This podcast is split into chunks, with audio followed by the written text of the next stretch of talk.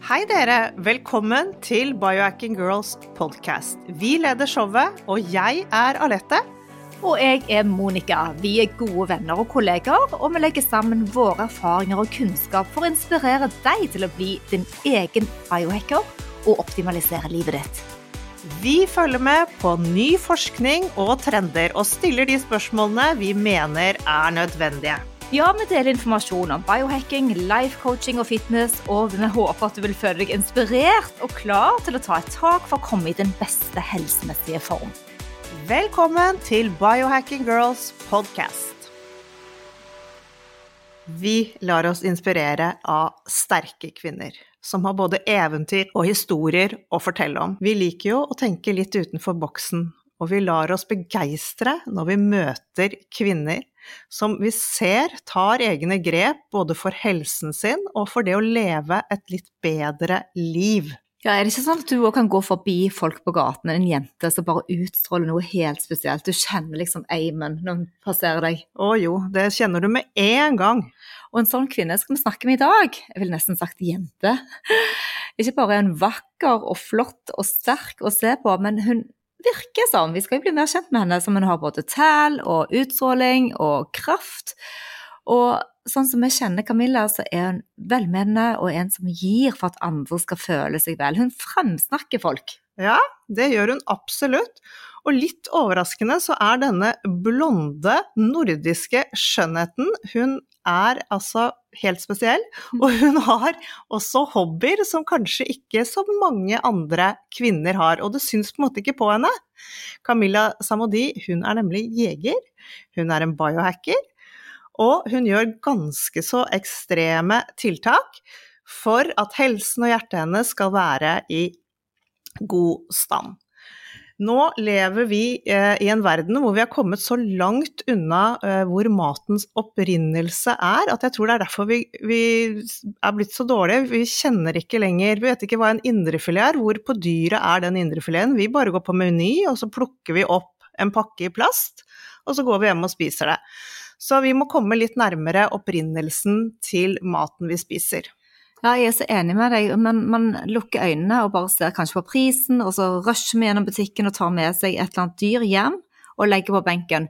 Men det er viktig å tenke litt over hva slags liv dette dyret har levd, hvor det kommer fra, og som du sier, hvor er egentlig indrefileten på dyret? Forstå litt mer og gå i dybden og skjønne litt mer prosessene fra, ja, fra, fra, fra, fra slakteren helt fram til dette eh, kjøttet kommer på vår mattallerken. Mm.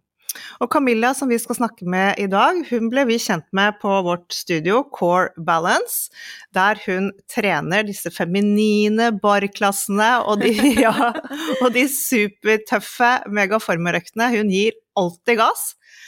Og det som er så pussig med henne, er at når hun går ut av det studio, så ser hun jo igjen helt smashing ut. Alltid med fønet hår og høye hæler. Ja, vi blir jo veldig nysgjerrig på denne dualismen i henne, både som jeger og den feminine, vakre, flotte, søte, empatiske kvinnen som vi, vi, har blitt kjent med. Men i dag skal vi ha en prat om jakt, om ville dyr og fjellheimen, om naturen og bærekraft, mening med livet og respekt for naturen. Ja, vi gleder oss til denne samtalen. Kjære Camilla, så hyggelig å ha deg her i podkast-studioet vårt.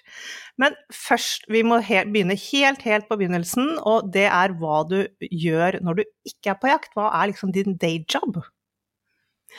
Tusen takk for at jeg får lov å komme.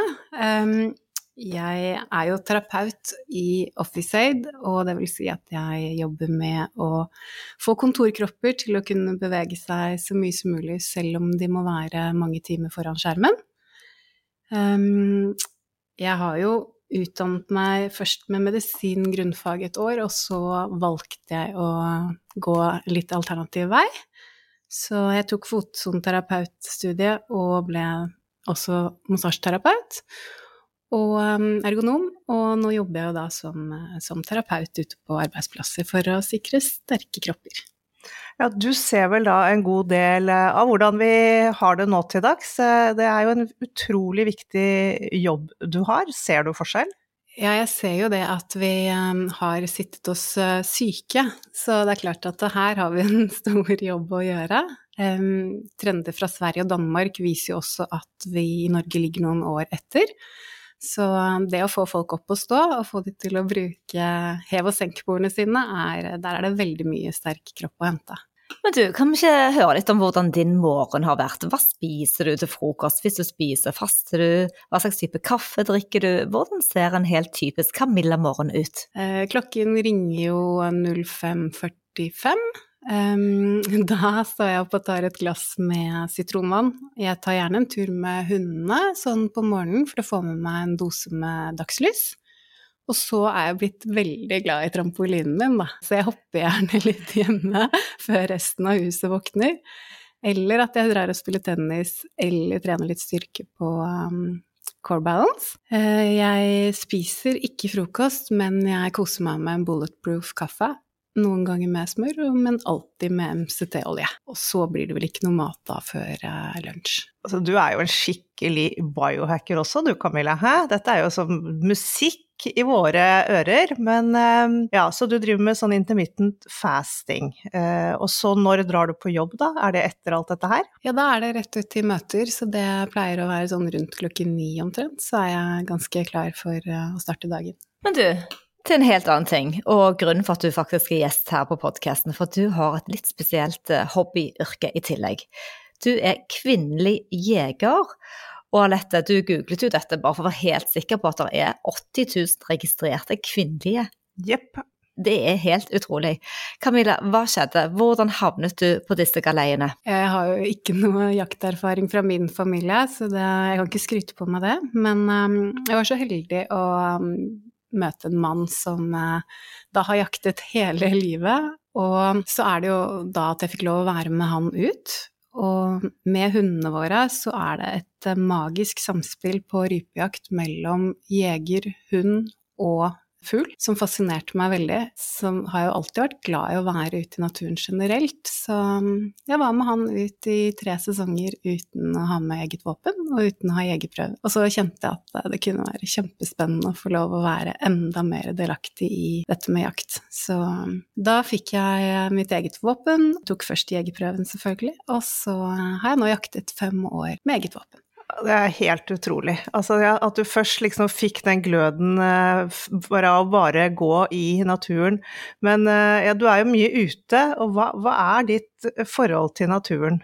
Naturen for meg er vel et sted hvor jeg kjenner at jeg kan være 100 til stede uten å ønske å være et annet sted. Så den roen og stillheten man får ved å være i naturen, og kanskje helst eh, høyfjellet over tregrensen, men også akkurat litt under tregrensen, der hvor det er lav vegetasjon, gir en veldig, veldig deilig frihetsfølelse. Dette å jakte, vekker det litt vanskelige følelser av og til, eller er det bare Ja, hvordan føles det? Det ville være feil å si nei.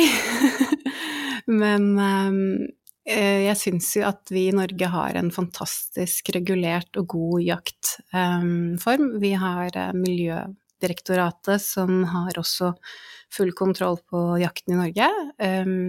De har jo en egen viltlov, og alt er veldig gjennomregulert og, og trygt. Så det lener jeg meg litt på, selvfølgelig. Men det er jo ikke til å stikke under en stol at når man er på jakt og man skyter f.eks. en kalv fra en simle, så, så, vekker det noen morsfølelser i, i, det. Så når det skjer, eh, er det sånn at du tenker at åh, jeg kan ikke fortsette, eh, eller tenker du at, det, at du vil fortsette å være jeger, og hva gjør du med dyret etterpå?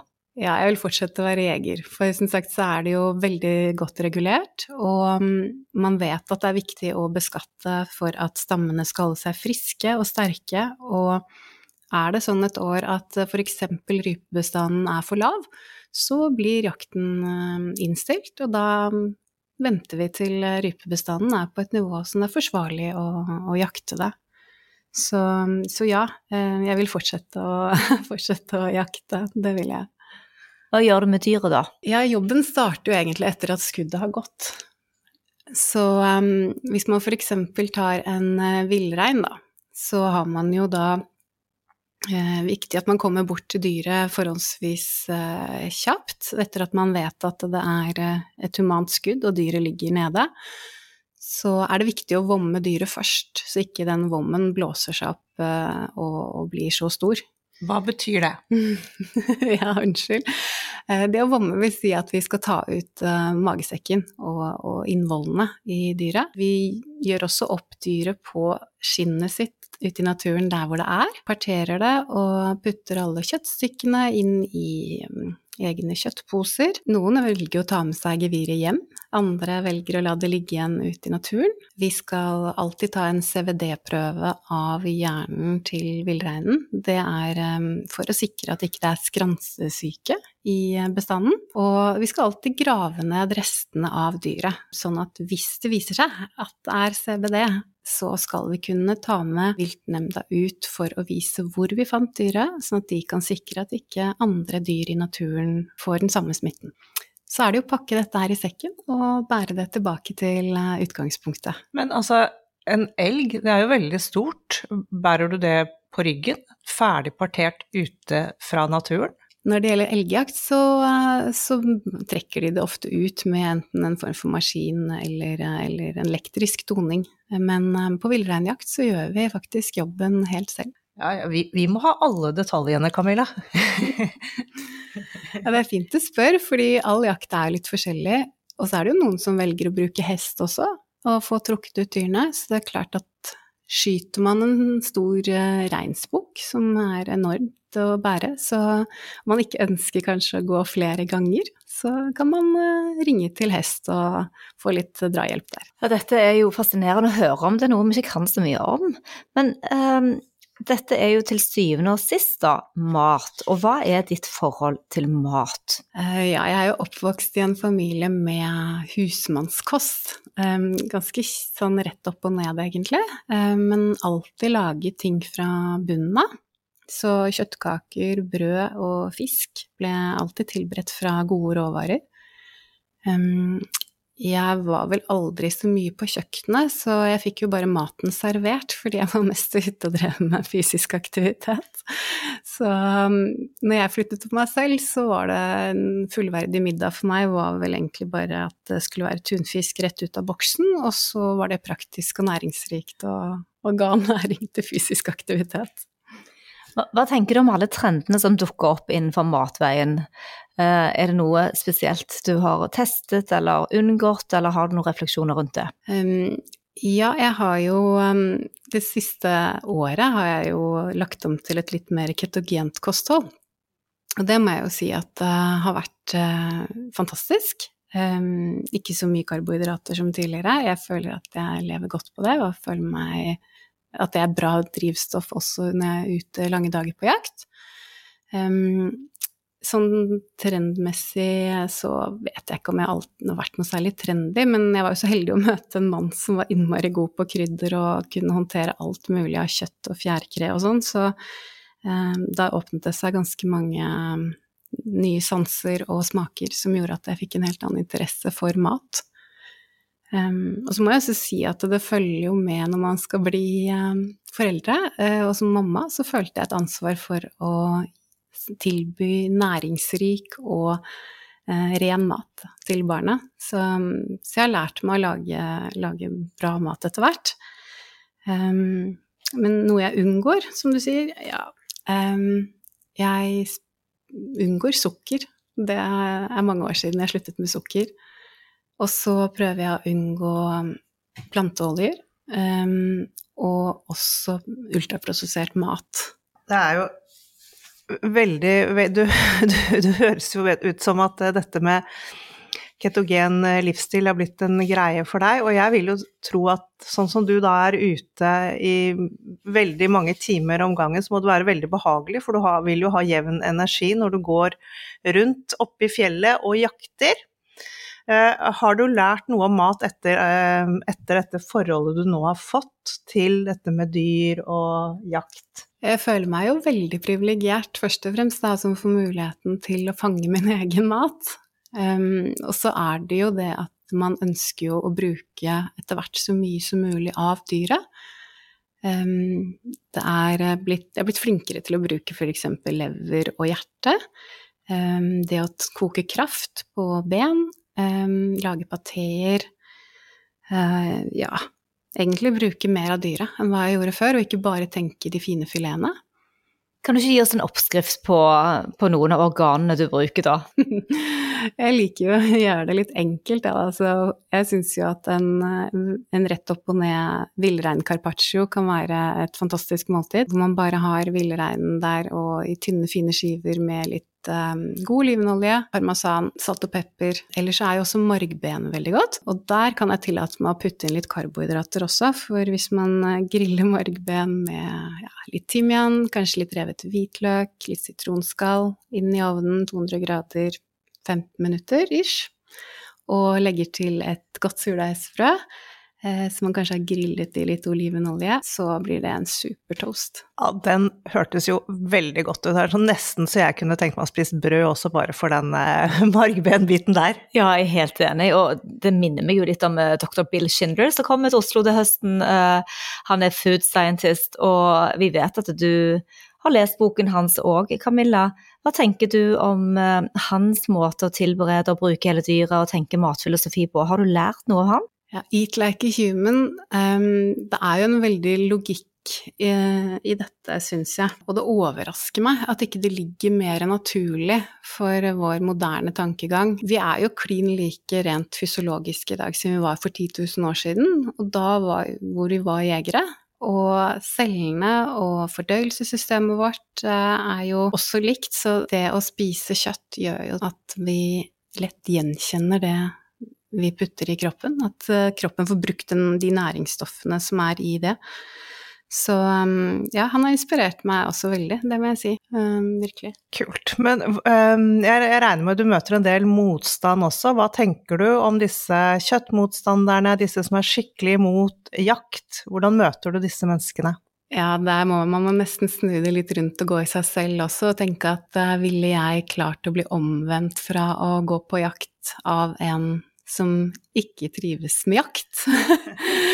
uh, og jeg tenker at um, jeg møter utelukkende ja, stort sett positive reaksjoner. Det kan selvfølgelig være noen som syns at uh, det er litt synd å, å, drepe dyr som er søte, f.eks. At det går mer på følelser enn på fornuft. Men uh, det å omvende noen, det, det, har jeg ikke noe tro på. Jeg tror mer at vi skal gi um, en form for opplysning og det å kunne opplyse om eh, hva jakt egentlig er, og hva det innebærer, sånn at man kan få mer kunnskap om det, da tenker jeg man har bedre verktøy til å kunne vurdere selv hvordan man stiller seg til jakt. Ja, det er helt topp det du sier der, og det bringer oss til uh, dette med prosessen. Vi snakket litt innledningsvis om, før du kom i studio til oss, om at vi har ikke egentlig et forhold til mat lenger. Vi drar på butikken og bare plukker med oss ting som er pakket inn i plast eller emballasje, og vi vet ikke opprinnelsen eller tilberedningen. Men regner med, vi regner med at ikke du går på jakt hele tiden og bare sørger for ditt eget uh, kjøkken, men at du òg må handle. Hva tenker du på når du går på butikken og skal plukke med deg noe kjøtt eller noe fisk? Jeg syns jo det er litt skremmende faktisk hvor langt vi har fjernet oss fra vår opprinnelse. Um, og det at vi går i butikken i dag og tenker at eh, det å spise fisk fint kan være fiskepinner, eller at kylling kan være chicken nuggets.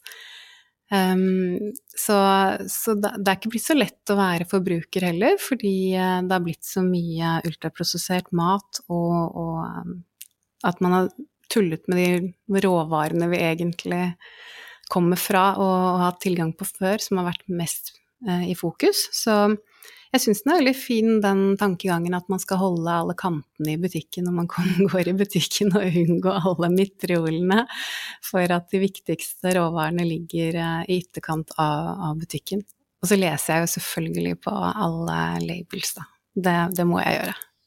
Men hva, hva, kjøper du av kjøtt og fisk? Uh, er det noen spesielle brands, eller går du noen spesielle steder? Siden jeg ikke spiser hele tiden, så velger jeg heller å putte god kvalitet i de måltidene jeg lager.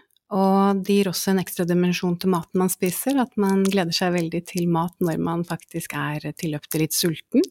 Så derfor så, så tillater jeg meg å bruke litt penger på å kjøpe eh, rent, helst økologisk hvis det er tilgjengelig Og um, så er det veldig stas å vite hvor dyret har vært, eh, hvor det kommer fra. Men eh, når dere da jakter, er det nok for å fø hele din familie, eller må du mye i butikken og handle også? Hvordan, altså et helt dyr, jeg ser jo for meg at det er masse mat. Ja, det har du helt rett til. Vi måtte utvide med et par ekstra frysebokser når vi gikk fra rypejakt, som er små, søte fugler, til hele store dyr som villrein og villsvin og elg og rådyr.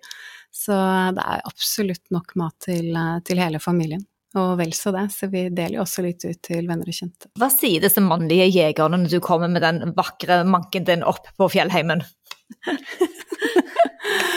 Eh, jeg må jo si at eh, for de kvinnene som syns det er skummelt å bevege seg inn i jegeryrket fordi det er i utgangspunktet mannsdominert, så, så kan de gå inn med, det, med lave skuldre. Eh, jeg opplever en veldig en veldig respekt fra mennene. Eh, de er alltid ekstremt hjelpsomme. De vet nesten ikke hva godt de kan gjøre for meg. Så jeg opplever bare at de heier på oss kvinner, rett og slett.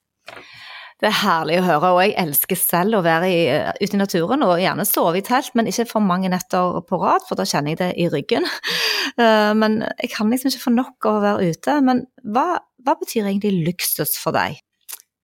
Luksus må jo være det at man får lov å høste av den fantastiske, rene naturen vi har i Norge. Den er helt unik. Eh, den er frodig, og den er mangfoldig. Og det også få lov til å ha lett tilgang til å være ute, eh, hvor man også kan være faktisk helt alene til tider, er, eh, en enorm luksus. Jeg er ikke noe flink til å sove ute, jeg heller, Monica. Men eh, jeg har vært på nattejakt med villsvin, og det å sitte oppe på natten er også veldig, veldig magisk. Det er et yrende, yrende flott eh, dyreliv der, som eh, kanskje flere burde hatt glede av. Jeg bare spør deg om villsvin. Hva slags lunde har de? Ja, Villsvin skal man ha respekt for. Det er ikke å si noe annet, altså. Um, nå var det heldigvis sånn at mye av villsvinjakten i Norge foregår i tårn, hvor man sitter noen meter over bakken. Så da føler man seg egentlig litt tryggere enn det å kunne gå nede på, nede på bakken. Men uh, det foregår jo villsvinjakt rundt omkring hvor man går nede bakken også, og da, da krever det jo kevlarbukser og en del uh, tøft utstyr, altså. For de, de har noen huggtenner uh, som er helt enorme, og man skal ha respekt for villsvin. Du som er så mye ute, har du noen favorittsteder uh, som du har lyst til å dele med oss? Å, det var godt spurt. det blir vanskelig å plukke ut et favorittsted, men um, jeg tror at den beste jakten er jo den jakten jeg er på akkurat der og da, litt uavhengig av hvor det er. Men, eh, men, som jeg nevnte innledningsvis, så er det det å kunne komme litt over tregrensen, det å få luft, få utsyn. Um, ja, rett og slett kunne skue over større steder. Um. Og så har de også jaktet på masse forskjellige type dyr. Hva er favoritten? Hva, hva, er det som er mest spennende? Rypejakt var jo det jeg ble introdusert for, og det å se hvordan hundene våre jobber sammen med fuglen er jo veldig gøy. Da har man øvd på ting på forhånd, og man ser at det fungerer. Og så ser vi hundene i sitt uh, rette miljø, og hva det egentlig er laget til, så det er veldig magisk for meg. Men um, når jeg nå har begynt med villreinjakt, så vil jeg vel kanskje si at uh, villreinjakt er som rypejakt på steroider. det er helt, helt rått. Kan, kan, du ikke beskrive hvordan det foregår? Hvor mange dager, hvordan pakker du, hvor lenge er du borte? Altså, hva må du ha med deg, hvordan sover du? Ja, den er jo en omfattende jakt fordi man må gå og lete opp dyrene, og det er ofte store terreng. Så um, noen bor jo på jaktkoier, noen bor i telt. Um, vi har faktisk valgt å kjøpe vår egen lille mobile jaktkoie, så vi har en liten City-mobil uh, bobil som vi um, kjører rundt med, som vi kan plassere ute i terrenget. Hvor vi kan bo egentlig så tett på terrenget som mulig. Der har vi jo vår lille luksus, det er, det er lov å si det, altså. Så, så da, da, pakker vi bilen, og så kjører vi av gårde. Og så er det ute og lete etter dyrene, speide etter dem. Vi kan være ute i um, en uke til og fra bilen, men uh, vi kan også få det til fint på en helg, at vi uh, har dagsturer. Så utrolig kult, og så bra med å ha en sånn uh, bil som man bare kan ha med seg og gå inn og legge seg. Men dette med jakt er jo veldig regulert, så du kan jo ikke bare troppe opp hvor som helst og, og jakte. Hvordan er prosessen? i dette? Ja, der er det jo litt omfattende, det må jeg si, fordi man um, må søke om å få lov å jakte i de forskjellige allmenningene.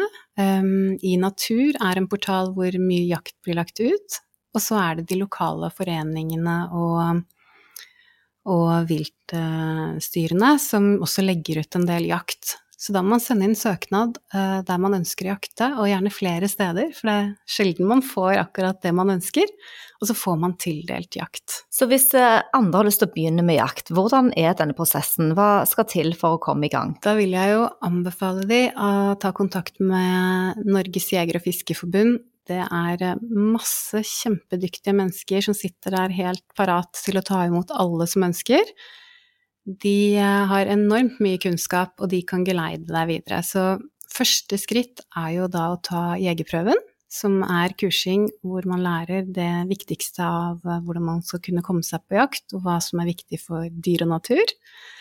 Og når den er tatt, da kan man eh, bære et våpen, og eventuelt kjøpe seg et våpen.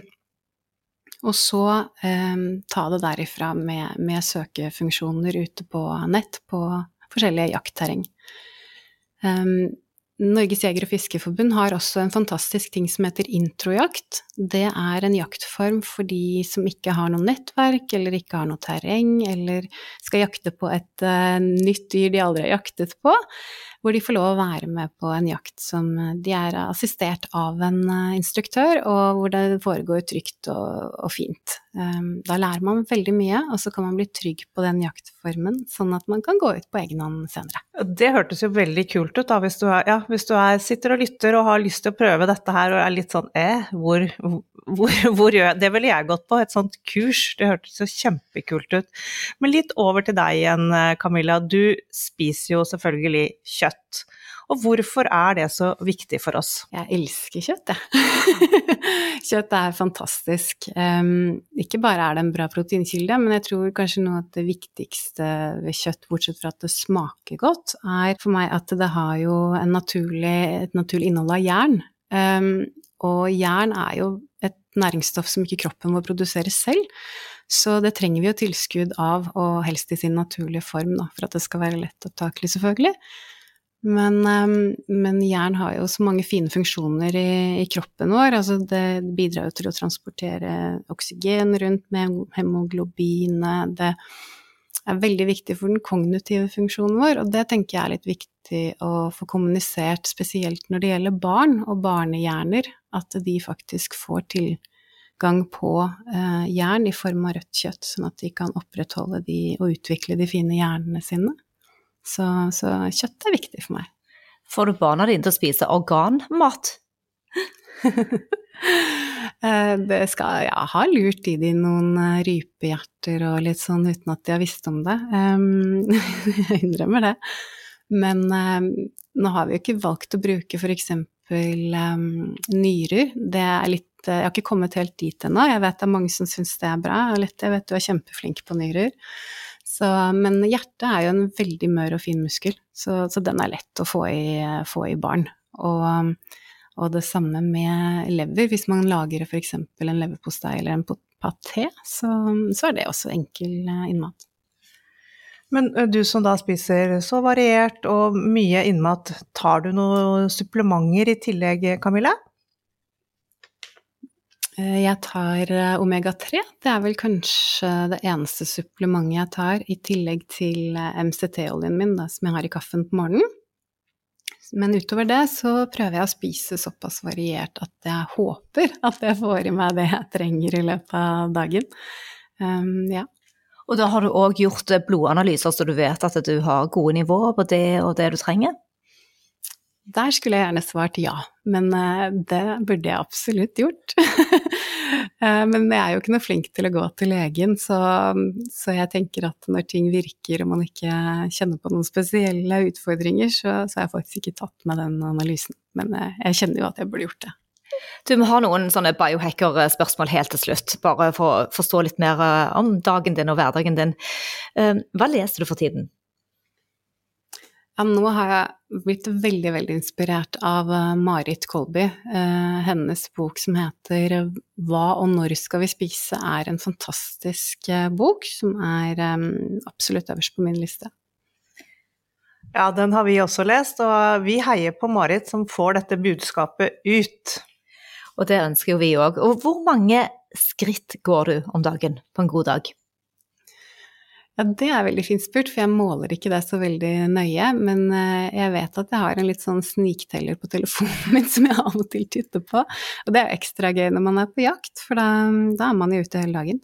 Men jeg ligger vel på rundt en sånn 10 000 pluss minus, eh, tenker jeg, i løpet av en dag. Har du noen eh, favoritter for å få god søvn? Er det noen hekser du gjør på kveldene? Jeg tror hacket mitt starter vel kanskje på morgenen, ved at jeg får sollys eh, på morgenen, i den grad man kan det når det er lyst i Norge.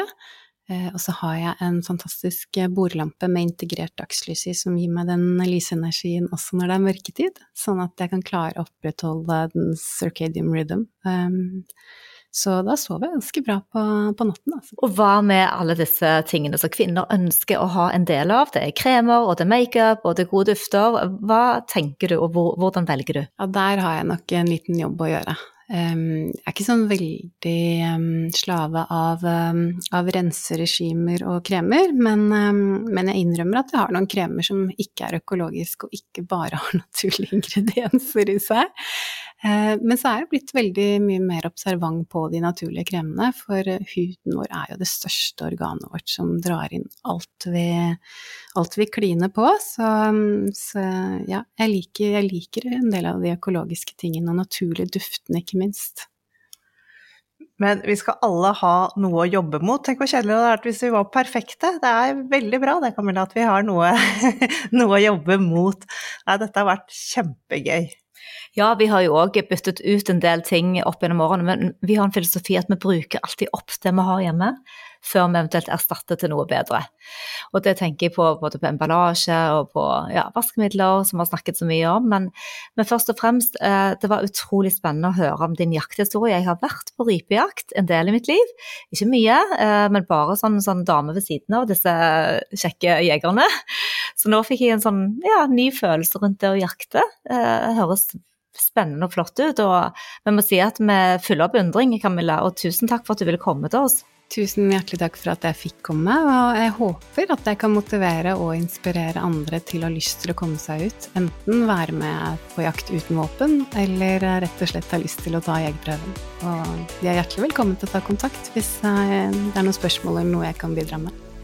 Og det helt til slutt, eh, hvis folk har lyst til å oppsøke deg, ja, hvor finner de deg, Camilla? Og det gjelder både når det gjelder jegerprøven, men òg i forhold til yrket ditt, hvor du veileder folk til bedre sitterygger og helse i, eh, i kroppene sine. Um, dere finner meg på officeaid.no, nettbutikken vår der. Der ligger også kontaktinformasjonen min ute.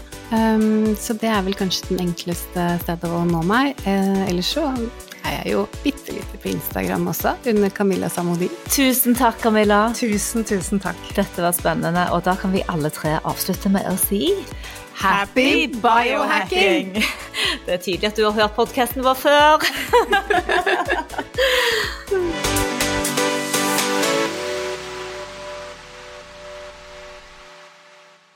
Vi minner om at dere må snakke med egen lege eller kostholdsveileder om dietter og andre spørsmål relatert til medisiner og supplementer. Informasjonen vi deler, kan ikke bli brukt til å diagnostisere, behandle, forebygge eller kurere noen sykdommer eller tilstander.